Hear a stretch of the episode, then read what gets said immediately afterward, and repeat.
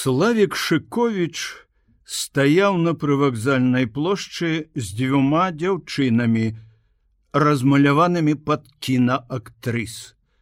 Стракатыя спаднічкі парасоны, адмыслова вымеражаваныя кофтачкі, прычоскі, я ў мамы дурачка. Абедзве рудзенькія вымытыя хной, вымытыя добра хной. Славік круціў у руках ланцужок з ключамі ад аўтамашыны і нешта расказваў, але не вельмі вясёлыя.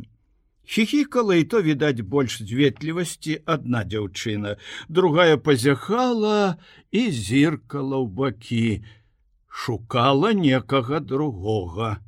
Славік адчуваў, што крыніца яго дасціпнасці высыхае і злаваўся было душна і сумна хацелася пайсці ў рэстаран але грошай ні копейкі Ай, нават не было на аўтобус каб паехаць на дачу да бацькоў да і сумна там на дачы все захапляюць ох які лес які лух рака! А яму сумна ну добра у рацэ можна пакупацца а далей што злосны ён на бацькоў сёння асабліва збудавалі дачу напіхалі панчоху грошай. А ён працуе і мусіць харчавацца ў рабочай сталоўцы. Крыўдна што і маці цяпер ва ўсім згаджаецца з бацькам. Нічым яе не разжаласціш. Сумна. Трэба неяк адкруціцца ад гэтых вясталак І раптам славік убачыў тараса, пазнаў цераз плошчу, той стаяў на супынцы загарадных аўтобусаў з боку вялікай чаргі. Ша, леддзі, бачу аднаго прадстаўніка будучага грамадства. Пайду раздабуду на сённяшні дзень чакайце. Ён пашыбаваў цераз плошчу, не звяртаючы ўвагі на машыны, Галомістер ганчароў прывітаўся славик здоров товарищ шикович тарас усміхнуўся як усміхаюцца дарослыя назіраючы забаўкі дзяцей. Калгасніцы з чаргі зацікаўлена зняважліва глядзелі на хлопцаў вузенькіх штоніках стракатай кашулі з матускамі на шыі сцягнутымі бляшкай. Славик трохі сумеўся ад гэтых позіркаў Недурны хлопец ён адразу адчуў, што тут не месца для крыўляння і галёкання, загаварыў проста грубавата. Паказаў на турысцкі мяшок, што стаяў каля ног у тараса. Куды з такім гумном да сваіх клопатлівы сын паважаных бацькоў. Старая жанчына не вытрымала. По табе, хлопчык, відаць, што ты такога гумна не павязеш сваім бацькам. Твайго яраша возіць мой бохан на машыне. Яны не прыязджаюць пустымі. Па чарзе пракаціўся шэпт. Яраша, якога яраша, таго доктара, сын, который Славік узяў тараса под руку кіўком галавы запрашаючы адысці. Тарас попрасіў жанчын папільнаваць мяшок і чаргу. Не надта блізка знаёмы яны. Калі пасябравалі сем'і, Тарас быў у арміі. Вярнуўся, пайшоў на завод. Славік у гэты час канчаў десятый клас, толькі вось на дачы пазнаёміліся больш-менш а таму славіку пры ўсёй яго бесцырымоннасці нелёгка было попрасіць грошай у гэтага спакойнага старэйшага па ўзросту хлопца. Тарас дастаў пачак беламора прапанаваў запаліць: О, ты глядзі, не ведаў, што сябры камбрыгад паляць. Ведаў, усё ведавалі за жарцікі лягчэй схаваць сваю збянтэжанасць. А што мы незямныя тарас стрыкнуў перад славікавым тварам запальнічкай даючы прыпаліць а скажы шчыра сумна в такой брыгадзе дзіўнае ў цябе ўяўленні работнік тэлестудыі чаму сумна сумна хораша працаваць не жывеш чалавек адной працы гэта рэгламент не выпі не запалі не вылайся. Не прыцісне дзяўчыну.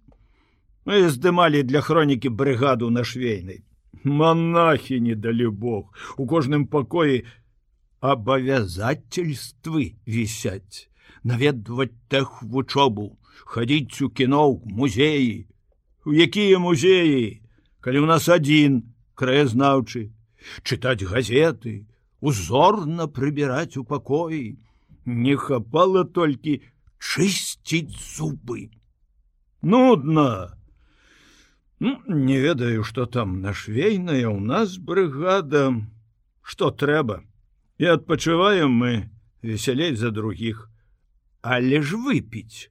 Не-не ну калі ёсць прычына. Ну можна значыцца прыма а в рэстаран можаш пайсці а хіба ў рэстаране толькі п'юць можна паабедаць геніяльная мысля.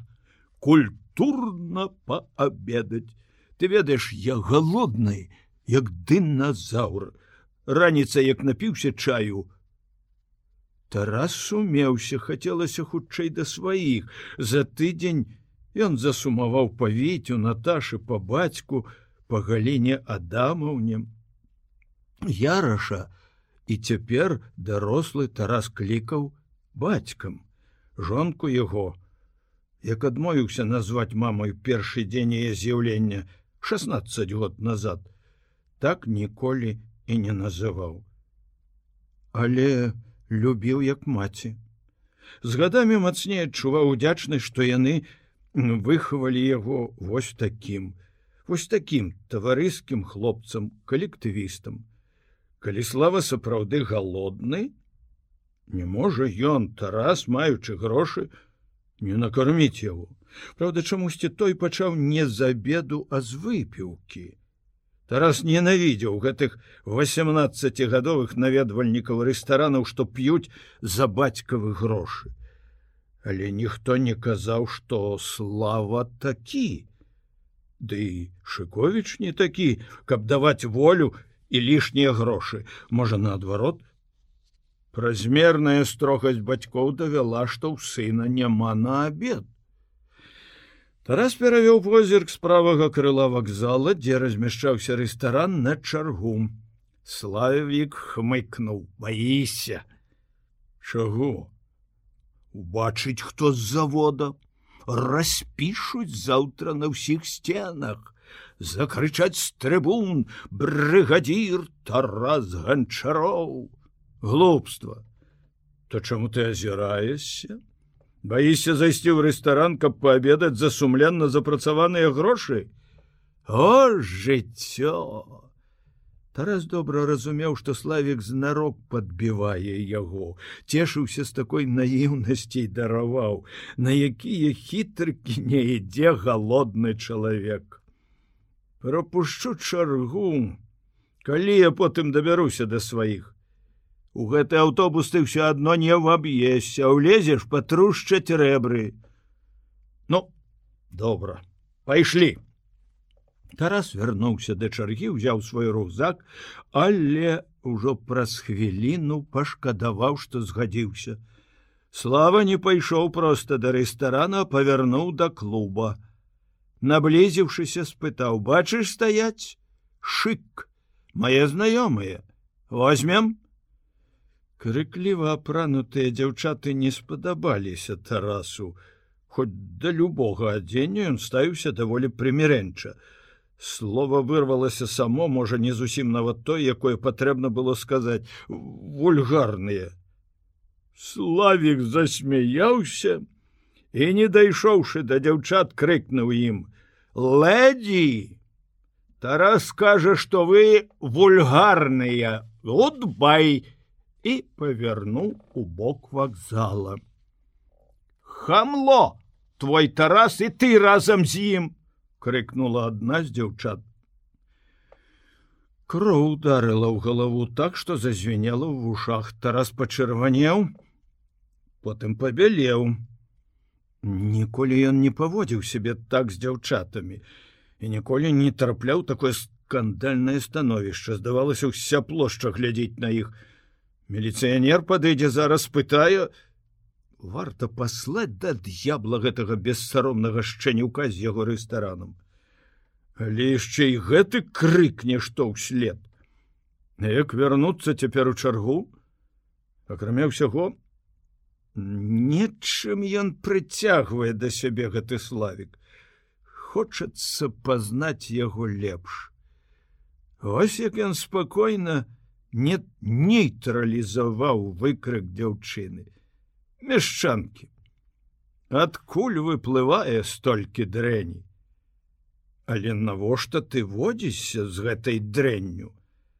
Тарас ішоў злосны і зацікаўлены. Селі за столік каля акна.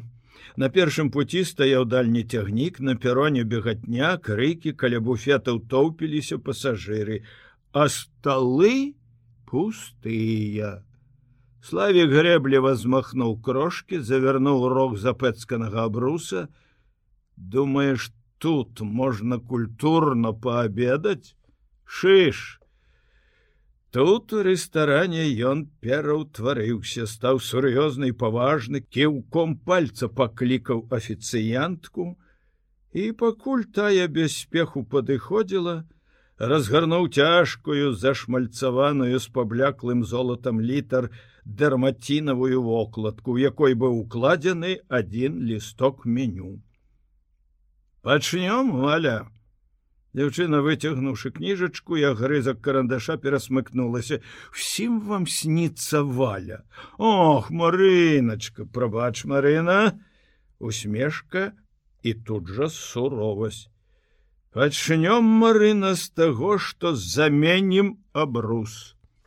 Ну что гэта за ануча сорам ресторан называется май на увазе гэта тарас ганчароў Дзяўчына глянула на тараса і паслухмяна пачала збіраць са стола келіхі і шклянкі тараса абурыў тон якім славік размаўляў з ёй скажы калі ласка які сціво аблонскі А прычым тут маё імя? Не, не таму, што галодны цягнуў ты у рэстаран. А парысавацца захацеў, здзівіць мяне, хлапчук. Калі дзяўчына пабегла па чысты абрус, ён сказаў узлаванам: « Слухай, калі ты будзеш вось так, я пойду, не люблю гэтых рэстаранных конікаў. А что? здавалася зусім шчыра здзівіўся славик Няхай думаю что ты чэмпіён яны любяць чэмпіёнаў лепш абслужыць Ён вывучаў меню. Моршчыўся круціў галавой. Адна свініна ды рыбныя кансервы. А табе вустрыц захацелася. Славик зразумеў іронію і яму не спадабалася набліснуў вачами хаця б чалавечага мяса. І засмяяўся са свайго недарэчнага жарту. Вустрыцы горка свежага няма а на рынку іх поўна ўжо. На рынку ёсць згадзіўся тарас я вас вязу. Сур'ёзна? Кладзі на стол а то я рашплю шыковічы все з'ядуць. Калгасам жывуць. І апетыт у іх там. Неёмка ўсё ёмка давай сюды Ён сапраўды гіпнатызаваў сваёй здзіўляючай незалежнасцю. Ён амаль загадваў Тарас у душы пратэставаў, але падпарадкаваўся. Развязаў мяшок і падаў паўдзясятка маладзенькіх зялёных гурочкаў Славік перадаў іх афіцыянцы, якая засцяліла чысты абрус, паставіла чаркі з усмешкай, слухаючы іх размову. Марына, памыць але не рэзаць, а то кухар палавіну сажрэ. Цэленькія аздобіць цыбулькай, асобна смятану, колькі? Шклянку смятаны, дырэктару скажы: Няхай пасыпле галаву попелам. Ад ганьбы, што наведвальнікі прыходзяць са сваімі гуркамі. Вось так, з няважлівым рухам ён шыбнуў на акно меню, як непатрэбную рэч. Адбіўныя колькі? 10 восемь зесі сама. Ён жартаваў груба панура без усмешкі, і гэта таксама абурала Тараса. Канеку 300, толькі па 100, толькі, А ты зрабі па 300, вады далі. І закон не парушаны, і мы задаволены. Афіцыянтка засмяялася і пайшла. Паводзіны славіка і абуралі і забаўлялі. Аблонскі далі Бог жа вось ты б, Хаця б спытаў, ці ёсць у мяне грошы на каньяк. Ты чуў? Толькі па сто. Правільна трэба змагацца з чым? Кінь. Всё это ханжество дзядзькоў, якія п'юць дома. Ну, ведаеш, дай волю такім, як ты наліжуцца, наліжуся бо не выхавана культура піцця. У Парыжы 10 тысяч кафе і п'яных няма. Хто табе сказаў? Чытаў? У нас тры рэстараны, аналізваюцца штовечар. Ох, вось дзе тваё нутро вылазіць рэстаранаў мала. У Парыж табе хочацца, падумаў Тарас, але з-за далікатнасці сказаў больш мякка. Хто налізваецца? Хто за бацькавы грошы п'е? А калі чалавек мазалём зарабляе я не бачыў сярод рабочага класа. Кінь Вочы славіка непрыгожа і злосна звузіліся, і натапырыўся і стаў падобны на маленькага драпежніка са сваімі каротко падстрыжанымі непакорлівымі валасамі. І потым не рабі хоць ты гэтага ідыёцкага дзялення, ты клас, а я? Не клас, А я? Хто? Я таксама зарабляю свае 56 рублёў і адрозніваюся ад цябе адным табе ўсё падабаецца ты ўсім задаволены а я крытыкую ўсё вось именно ўсё не лаві на слове. Гагарин паляцеў я на галаве хадзіў на студы ад захаплення крытыкую тое што мне не падабаецца дрэнная я крытыкую толькі не ў рэстаранах адзе на сходзе не люблю сходу. Раз откінуў далікатнасць пытаў з'едліва что ты любіш парыскія кафе? Славик разявіўшы рот змоўк паглядзеў на тараса так быццам убачыў упершыню ты ведаеш что за такія словы б'юць по мордзе заела? Але чорт с тобой слухай крамольныя думкі далей. Не люблю калі атлусцелыя дзядзькі пачынаюць мяне вучыць. Тараса пачала раздражняць славікава прэтэнзія на глыбакадумнасць і разважлівасць. Ён адчуваў што гэта нават не перакананні а просто так модная гульня. Эклектычны набор чужых думак Тарасу не хацелася тут у рэстаране пачынаць сур'ёзную спрэчку ён стрымліваў сябе. Але тое, што сказаў славік пра настаўнікаў, яго проста такі ўзарвала. Хто гэта атлусцелыя дзядзькі? Бацька твой, Яраш атлусцелы. Майго бацьку фашысты павесілі. Ён таксама непрыдатны табе ў настаўнікі ты Тарас гаварыў горачу схвалявана, хоць і не на поўны голас, Але словы яго відаць пачулі многія. На іх пачалі звяртаць увагу, першы гэта прыкмеціў славік, азірнуўся насцярожана прашаптаў добразычліва: цішэй. Тарас схамянуўся. Парады абвясцілі, што да адыходу хуткага цягніка Кіеў-Ленінград засталася адна хвіліна. Пасажыры паспешліва пакідалі залу рэстарана. На пероне жаночы голас прасіў бора, пішы кожны дзень пішы другі мужчынскі мама поцалуй аньку за мяне Тарас глядзеў за акно на зялёны вагон з шырокімі вокнамі. В адным акне дзявочы твар прыгожы і сумны. Тарасу стала шкада яе. Чаму яна такая сумная? Не трэба славная дзяўчына. Жыццё прыгожае у ім много радасці. Каб я мог падараваць табе радасць. Вагон ціха паплыў дзяўчына сустрэлася з яго позіркам. Ён усміхнуўся ёй і развітальна помахаў рукой.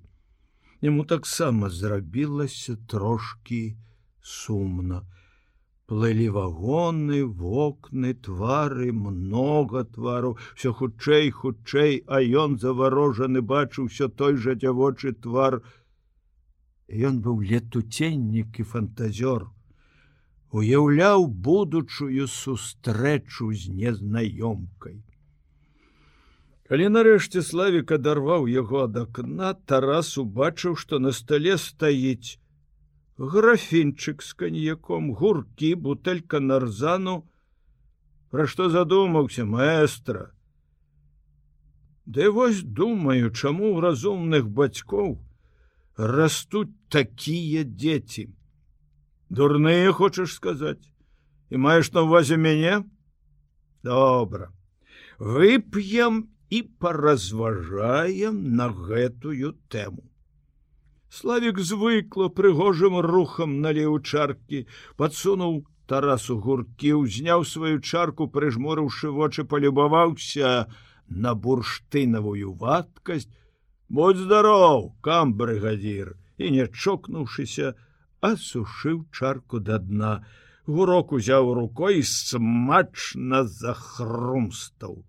Всё ў яго выходзіла вельмі натуральна. Тарас выпіў паўчаркі, разрезаў гурок тупым ножом, пасыпаў солі по-дамашняму грунтоўна і аднак сам адчуваў сваю незграбнасць у параўнанні са славікам. Рукі такія хуткія і умелыя на зборцы машын тут як бы выйшлі з-пад улады. Это трохі выбівала з каляіны, глушыла дасціпнасць у адказах на лёгкую балбатню славіка. А той зноў наліў сабе да ўзроўню, колькі засталося ў тараса, але не выпіў.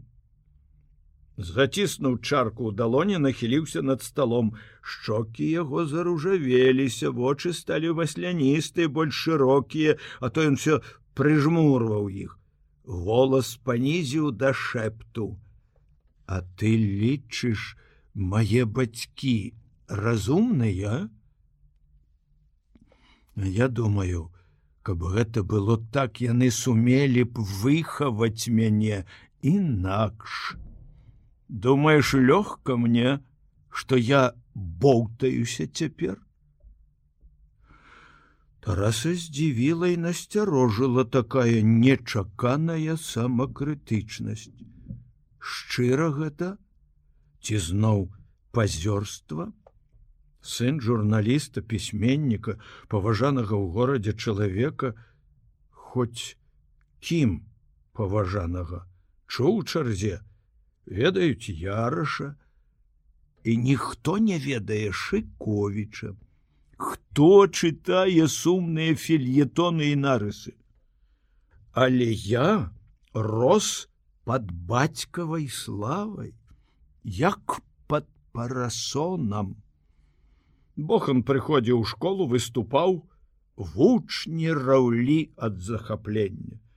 А я задзіраў нос, ні ў каго няма такога таты все мне было дазволена тут ужо маці старалася што я сілы каб я купаўся як той сыр у масле а потым раптам ажылі бацылы прынцыповасці у першую чаргу у бохана ну пасароміўся не вытрымаў тарас. Дзе ты выкапаў такое дзікае слово славик усміхнуўся пакруціў галавой маралісты вы ўсе і выплеснуў у рот каньяк ну у таты у папы у радзіцелі як хочаш дык вось!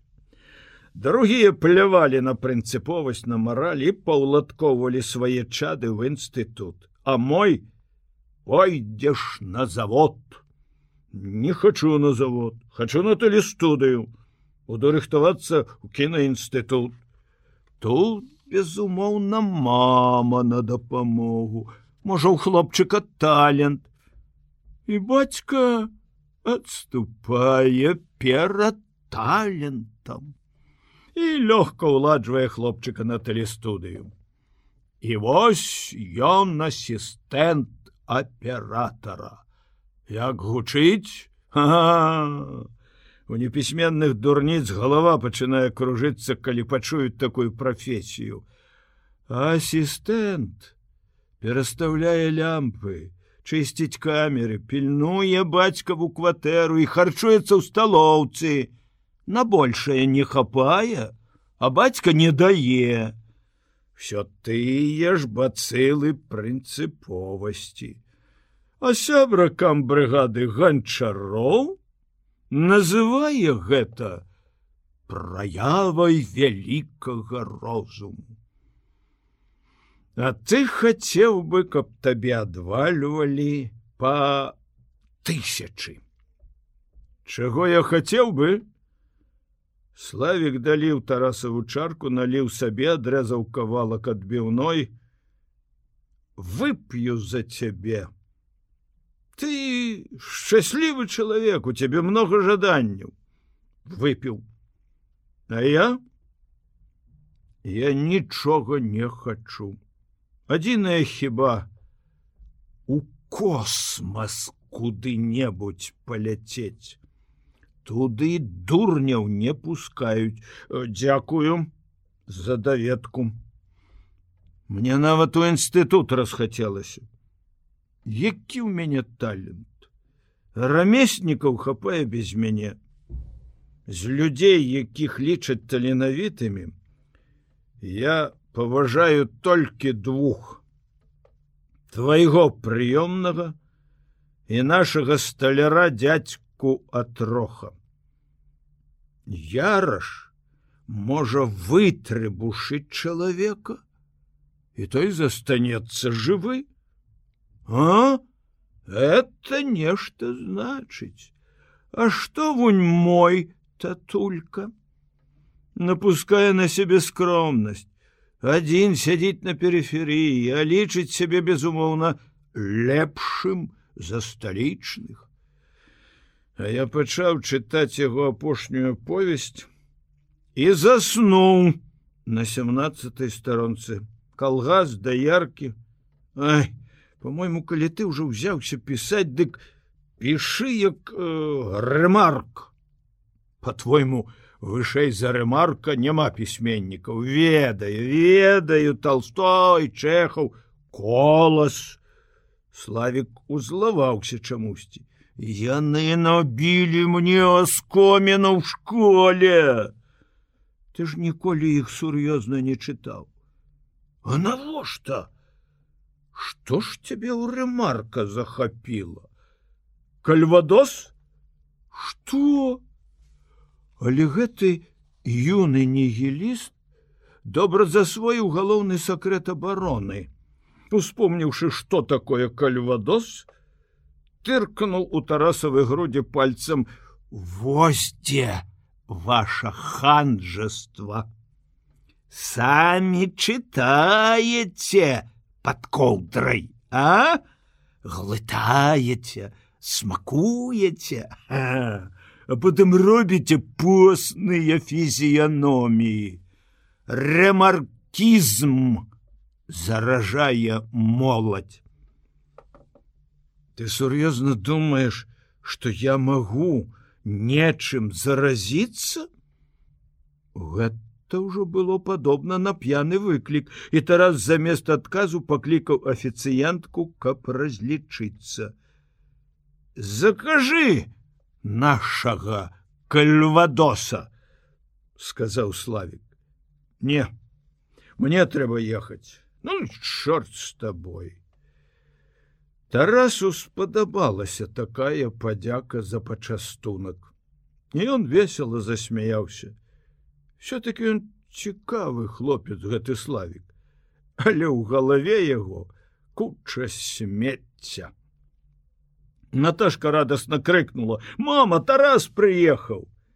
Кінулася насустрач брату, павісла на шыі, пацалавала, і адскочыла здзіўленая нахмурылася і тут жа выдала мама тарас п'яны! Что ты выдумала?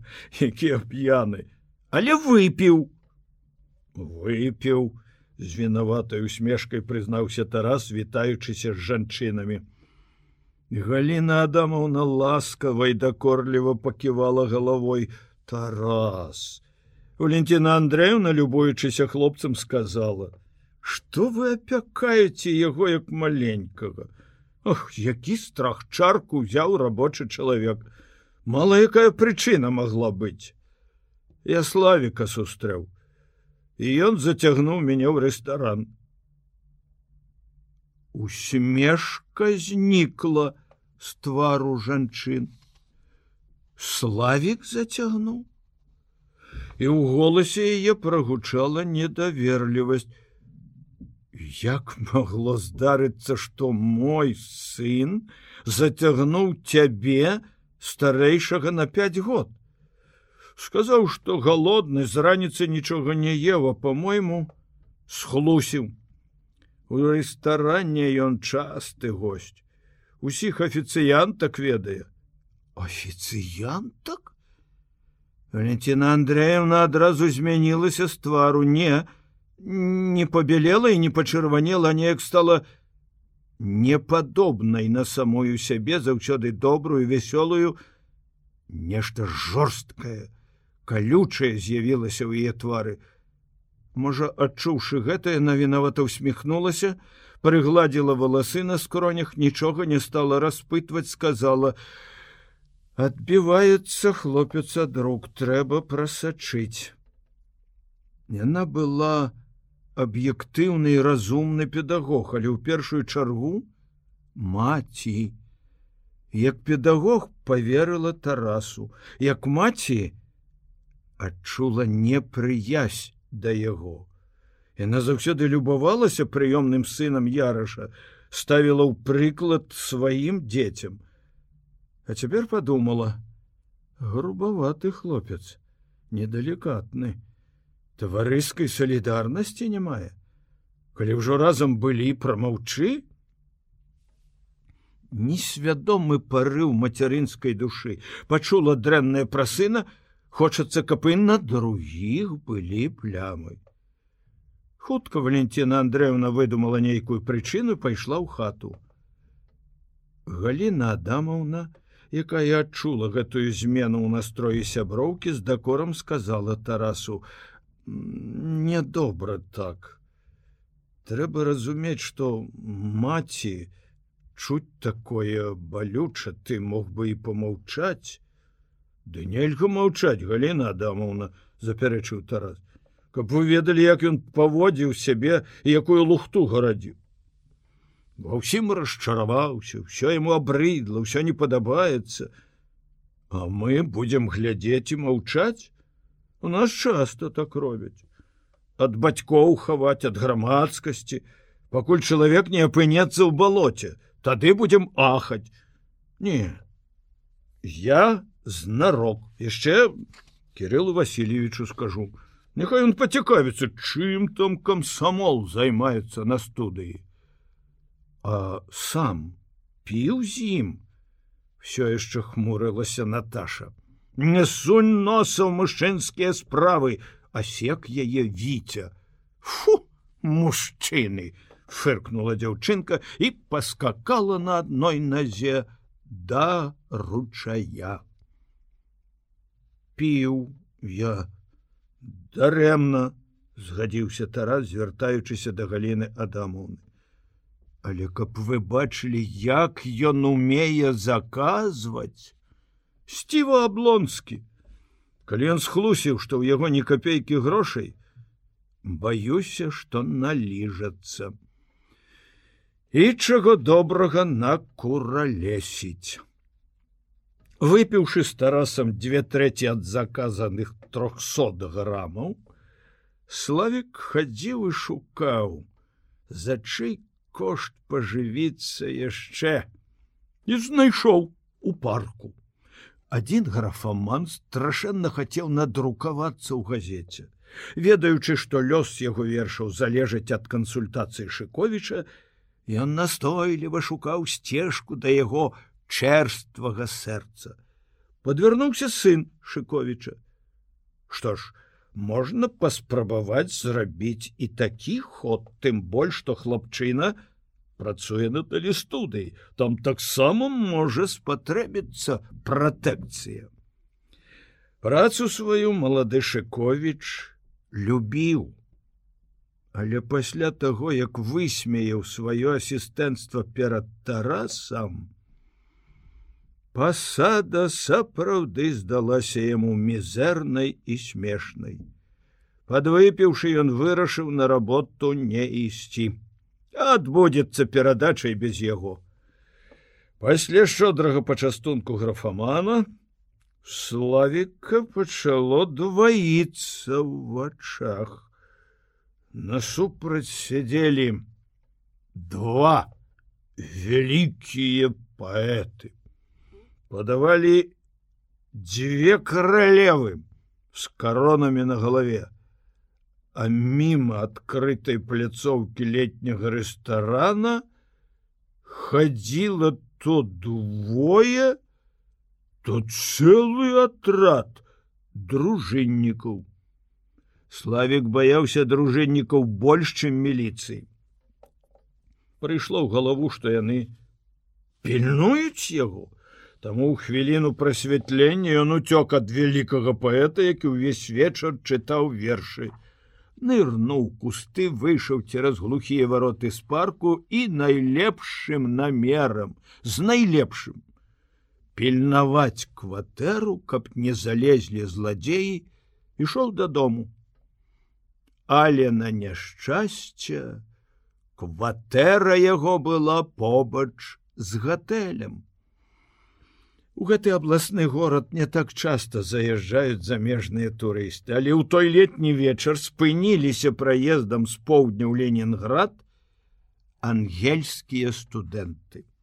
На дзвюх вялікіх старамодных машынах. Машыны сабралі цэлы натоўп зявак славік, безумоўна, адразу далучыўся да іх. П'янаму, калі ён даведаўся, што гэта ангельскія студэнты, страшэнна захацелася абмеркаваць з імі некаторыя міжнародныя праблемы. Пайшоў шукаць гасцей. Яны вячэралі ў рэстаране, славіка не пусцілі туды. Это яшчэ больш распаліла, разлавала яго, умацавала рашучасць дабрацца да турыстаў любым чынам, Ён пролез у рэстаран праз кухню, ведаўся хады і выхады, жыў побач часам па даручэнню маці купляў обеды на дом. Ён шумна прывітаў ангельцаў.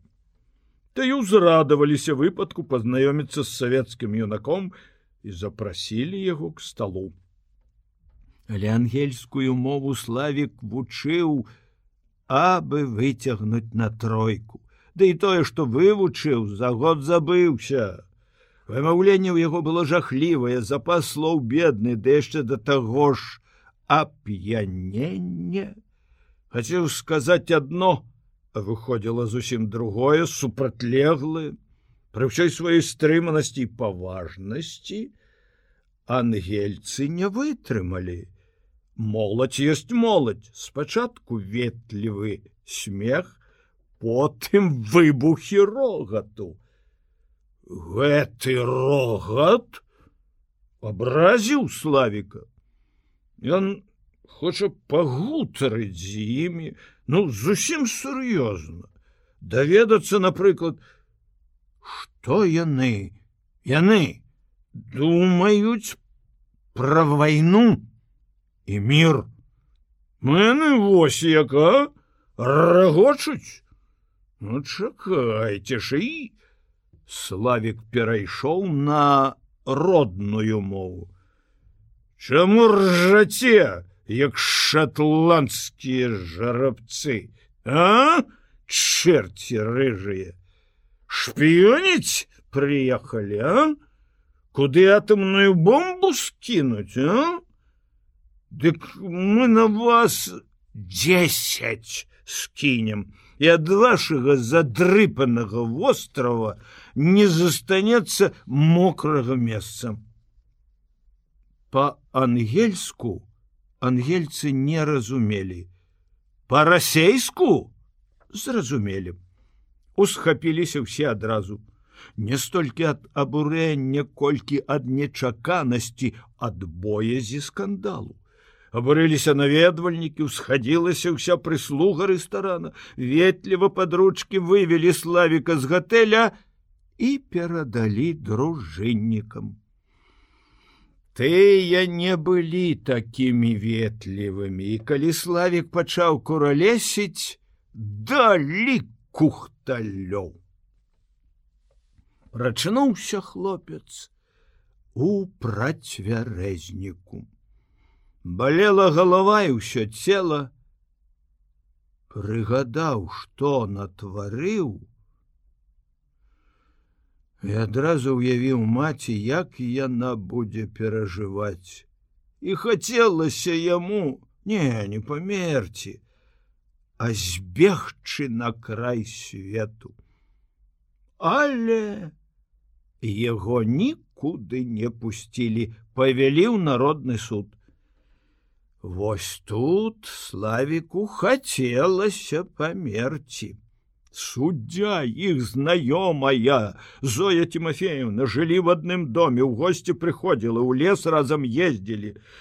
Славі глядзеў на яе з надзеяй з маленнем злітуйся ўсё жыццё буду дзякаваць але поўная шырокім добрым тварам жанчына толькі на нейкі момант глыбока задумалася а потым без лішніх роспытаў і натацый прачытала прыгавор.